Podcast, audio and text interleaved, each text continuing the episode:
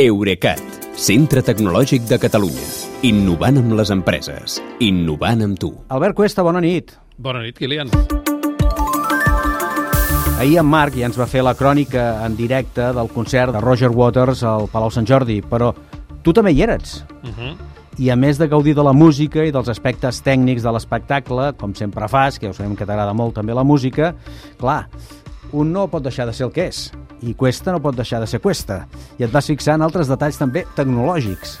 Uh, sí, efectivament, jo vaig anar a veure i escoltar el Roger Waters, com sempre faig, perquè és un dels pocs que encara em fa sortir de casa, i en part precisament perquè històricament és un dels pocs artistes, que ja ho feia en Pink Floyd, que demostra respecte pels espectadors i que inverteix en qualitat de so amb tots els racons del recinte, però sense aclaparar-nos amb el volum com fan la majoria dels altres. Interessant, això. I això ahir era especialment difícil perquè l'escenari en forma de creu era al mig de la pista del Sant Jordi i tot el dispositiu d'altaveus i llums anava penjat del sostre per donar 360 graus de visibilitat.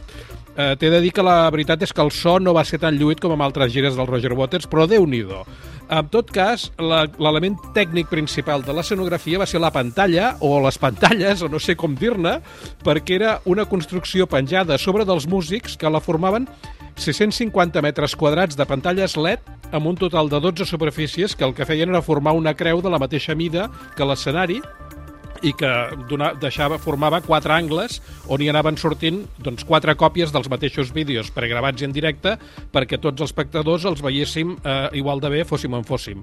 Aquestes pantalles són de la marca xinesa Layard, que per cert les va exposar fa un parell de mesos a la Fira ICE de Barcelona, i tenen la peculiaritat de que el vestidor és de fibra de carboni perquè pesin menys que les habituals d'alumini i així els sostres dels pavellons d'esports on toquen puguin suportar el pes de tota l'estructura. Uh, per cert, que ahir en Roger Waters uh, estava especialment xerraire i a mi em va estranyar molt que no aprofitessin tanta pantalla per sobretitular uh, en temps real, en català o en espanyol, les seves parrafades en anglès que jo sospito que molts espectadors no les van acabar d'entendre. A més de, de la pantalla, un altre clàssic de les escenografies de Roger Waters són els objectes que volen, sovint, sovint amb missatges polítics, fins i tot, eh? Sí, a la gira de The Wall hi havia un avió que sobrevolava el públic fins a estavellar-se fins a la paret del fons del, Palau, del mateix Palau Sant Jordi. I a la gira Ascendem, l'anterior, s'anava construint sobre la marxa, amb unes pantalles enrotllables, una rèplica de la central elèctrica aquella de Battersea que surt de la portada del disc Animals. Mm -hmm. Però el que no falla mai són eh, precisament els animals voladors. I ahir en Waters va estrenar un xai tele teledirigit amb un drons que feia referència als ciutadans com a xais de la cançó Ship del mateix àlbum i el ja tradicional porc inflable, que es diu Algi, per cert, va tornar a aparèixer carregat de consignes polítiques que van alineades amb les dèries d'en Waters. Aquesta vegada mostrava suposats patrocinis de fabricants d'armament com la britànica BAE Systems eh, o els míssils de la nord-americana Raytheon o fins i tot els drons militars de la israeliana Elbit Systems.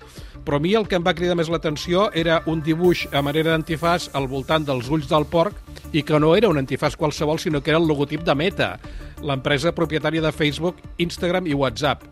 A la panxa del porc també hi havia alguns símbols d'aquests de m'agrada, que és la mà amb el polze cap amunt, Sí. eh, una mica representant la manipulació dels ciutadans que, segons Waters, i segons jo també, practiquen les xarxes socials.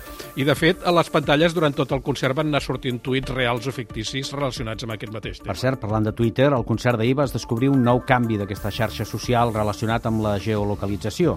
Sí, eh, jo no acostumo a fer-ho, això, però ah- ah- ahir, abans de començar el concert, vaig voler geolocalitzar un tuit amb la foto de la pantalla gegant i em vaig trobar que només em deixava triar Barcelona com a municipi, però no específicament el lloc de Barcelona on era, en aquest cas el Palau Sant Jordi. I resulta que vaig descobrir que aquesta setmana ha deixat de funcionar la geolocalització detallada dels tuits que l'aplicació de Twitter obtenia de la base de dades d'una altra aplicació que es diu Foursquare.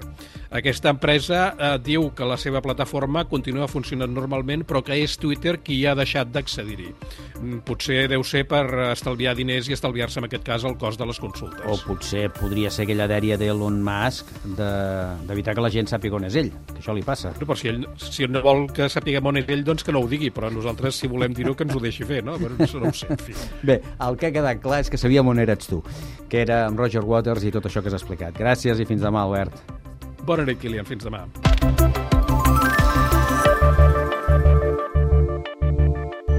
Eurecat, centre tecnològic de Catalunya. Innovant amb les empreses. Innovant amb tu.